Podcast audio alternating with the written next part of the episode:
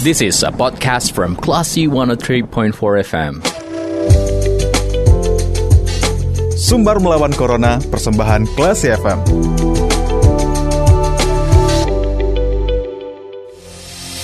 empat kelas FM di Zis Aktual Radio. Selamat sore kelas people. Saat Anda mencermati Sumbar melawan Corona persembahan Radio Kelas FM dan saat ini mungkin kita akan berbagi cerita ya bagaimana pengalaman dari seorang ibu yang terpapar COVID-19 bersama juga dengan anak balitanya nih kelas people padahal sudah uh, mematuhi protokol kesehatan namun masih terpapar dan saat ini harus dikarantina bersama dengan buah hati.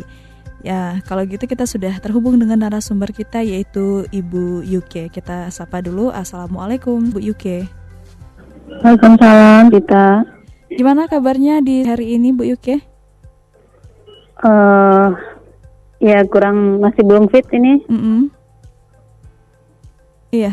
Dan masih merasakan gejala-gejala kayak demam sedikit, mm -hmm. uh, agak sesak nafas juga kepala pusing. Hmm. Hmm, ini punggungnya agak sakit menjalar ke ke ke badan gitu, ke apa ke kaki gitu. Iya baik. Lalu kondisi um, anaknya gimana sekarang, Bu Yuki? Uh, anak saya si adik itu kemarin sempat demam, tapi demamnya nggak tinggi. Sekarang udah lumayan agak baikan gitu. Hmm. Baik kita berharap semoga uh, segera pulih ya Bu Yuki ya. Be uh, begitu juga Allah, dengan iya. dengan anaknya gitu ya Bu. Iya. Hmm. Kalau boleh tahu sebelumnya Bu, uh, profesinya ini sehari-hari uh, bekerja sebagai apa Bu? Oh ya, uh, saya seorang jurnalis. Hmm. Jadi uh, ya ke lapangan. Hmm. Tapi di lapangan kalau uh, rasanya sih saya udah prokes sih. Hmm. Uh, jaga, jaga jarak. Uh, kalau untuk masker saya tidak pernah buka ketika ada kumpul-kumpul sama kawan-kawan media ya. Mm-hmm. Saya selalu pakai. Kalau misalnya di kantor mungkin makan atau minum baru saya buka. Mm-hmm.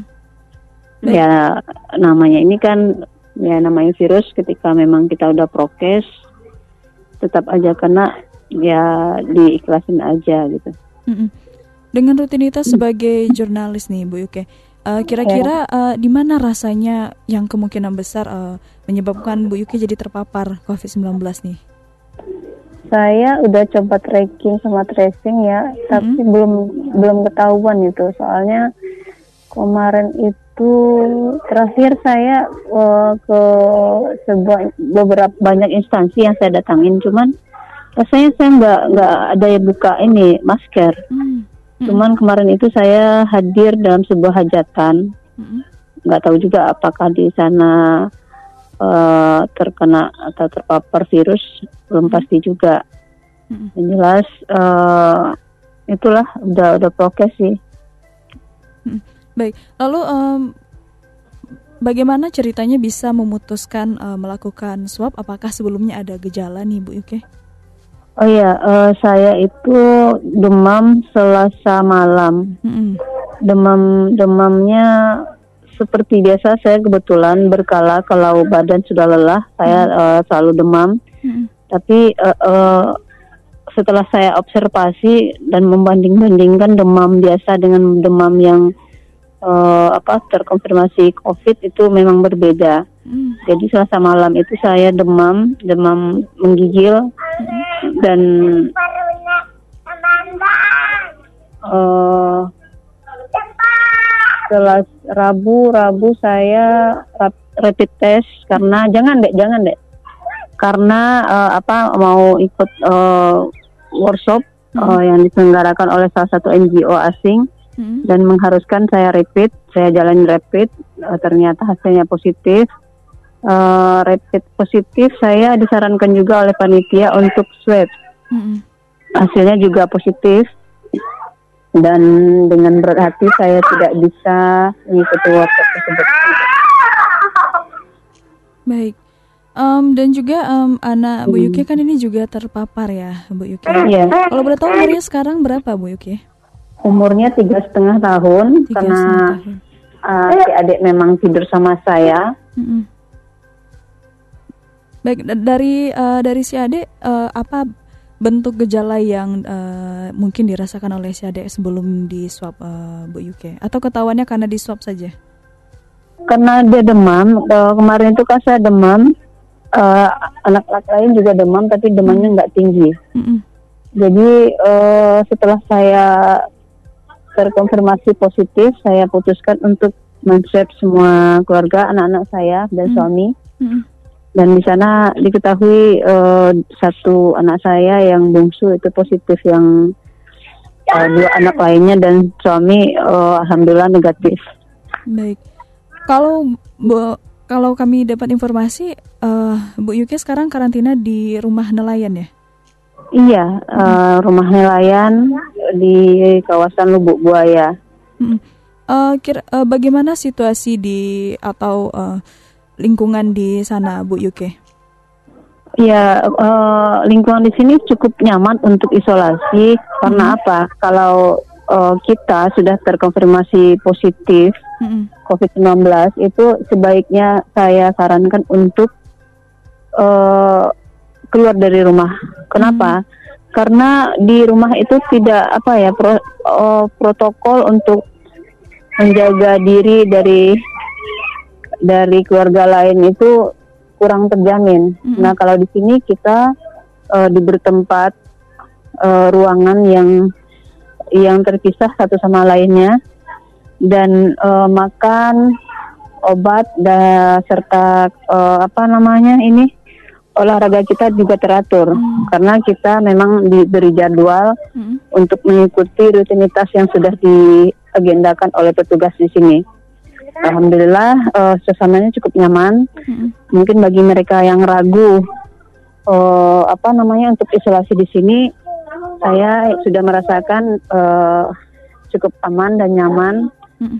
dan pastinya tidak akan menularkan ke orang di sekitar kita. Kita. Baik, um, kalau di rumah nelayan ini bagaimana bentuk penempatannya uh, pasien yang isolasi di sana, Bu Yuki? Iya, satu keluarga itu diberi satu rumah. Mm-hmm. Jadi dalam satu rumah itu ada dua ruangan, ada mm. dua kamar, dua kamar, ada kamar apa? Uh, kamar mandi sendiri, tempat cuci piring, uh, ruang tamu. Jadi kita sedikit uh, lebih enjoy gitu, mm. nggak seperti yang dibayangkan orang bahwasanya sebuah tempat uh, karantina itu sesuatu yang menakutkan atau tidak tidak hmm. nyaman. Hmm. Jadi di sini saya lihat ini saya kan baru masuk itu tadi malam. Hmm. Setelah beberapa hari isolasi di rumah karena di rumah itu si adik nggak bisa pakai masker.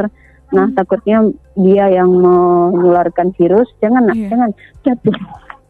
Jadi saya putuskan untuk karantina di sini dan ini adalah hari pertama hari pertama itu saya uh, bangun dibangunkan petugas jam 6.30 untuk melakukan senam.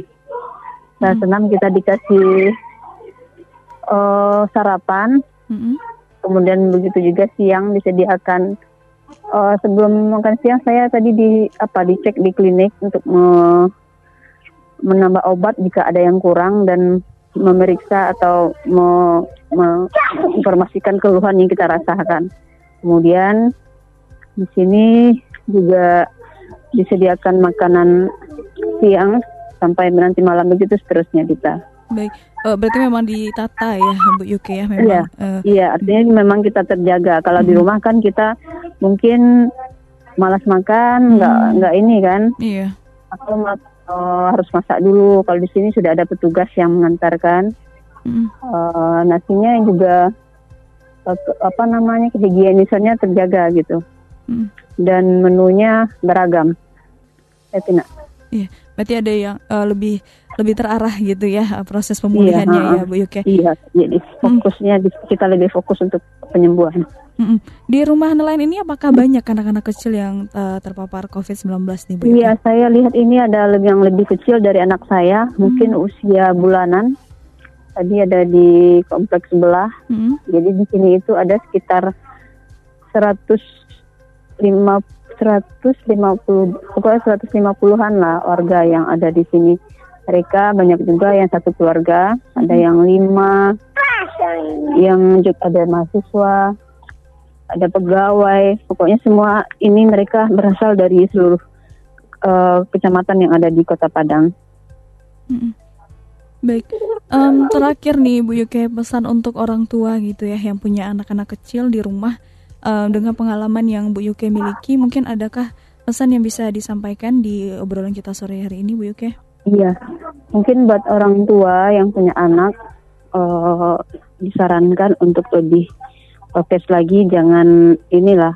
Kalau bisa jangan dibawa ke apa acara-acara yang rame gitu. Kalau memang ingin juga pergi berwisata bawalah mereka ke tempat yang tidak ada orang misalnya ke pegunungan atau memang menjauh dari keramaian. Karena saya sudah merasakan alhamdulillah ini uh, istilahnya gejala ringan. Cuman cukup saya cukup panik juga. Hmm. pasti ya setiap orang tua panik dengan anaknya kalau sudah uh, terkonfirmasi atau terpapar COVID-19 hmm alhamdulillah ini gejala ringan gak terbayang ini kalau misalnya gejala berat gitu uh, dan tetaplah menjaga protokol kesehatan demi kita semua hmm. oh, ya okay. ya Dita baik Bu Yuke uh, semoga iya. gejalanya iya. semakin uh, mereda gitu ya dan segera pulih dari COVID-19 Iya, terima kasih Dita. Baik, terima kasih Bu Yuke. Assalamualaikum. Waalaikumsalam warahmatullahi wabarakatuh. Baiklah sih Bal, itu obrolan kita bersama dengan Ibu Yuki yang merupakan seorang ibu ya yang terpapar COVID-19 bersama dengan balitanya yang berusia tiga setengah tahun. Kalau gitu saya Dita Indira, kita ke program selanjutnya. Terima kasih. Anda sudah mencermati program Sumber Melawan Corona. Cermati podcast obrolan ini di www.classfm.co.id atau download aplikasi Classy FM.